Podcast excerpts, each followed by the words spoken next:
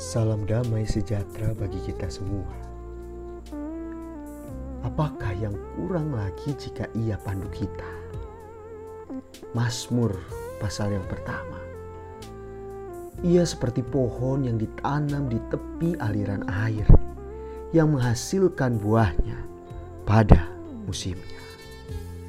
Saudaraku, ada banyak orang yang berkata, bahwa salah satu sifat dasar manusia adalah tidak pernah merasa puas.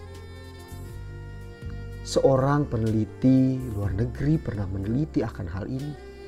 Apakah memang semua manusia tidak merasa puas?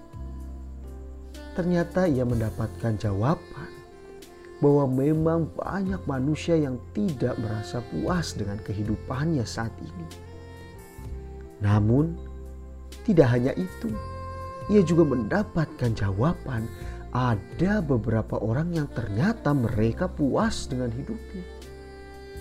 Yang lebih mengejutkan lagi, orang yang merasa puas dengan hidupnya bukanlah orang yang sangat kaya, sangat sukses, dan yang lainnya.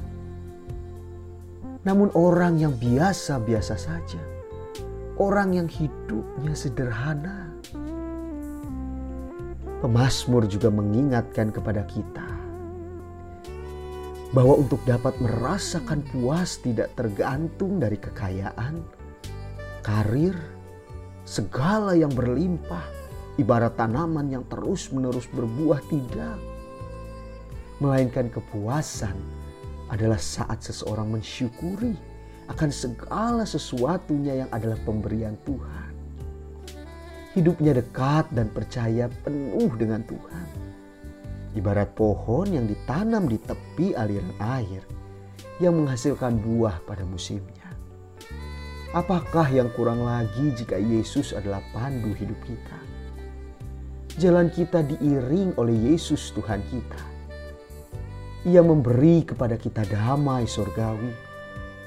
Asal iman kita teguh kepadanya suka duka dipakainya untuk kebaikan kita.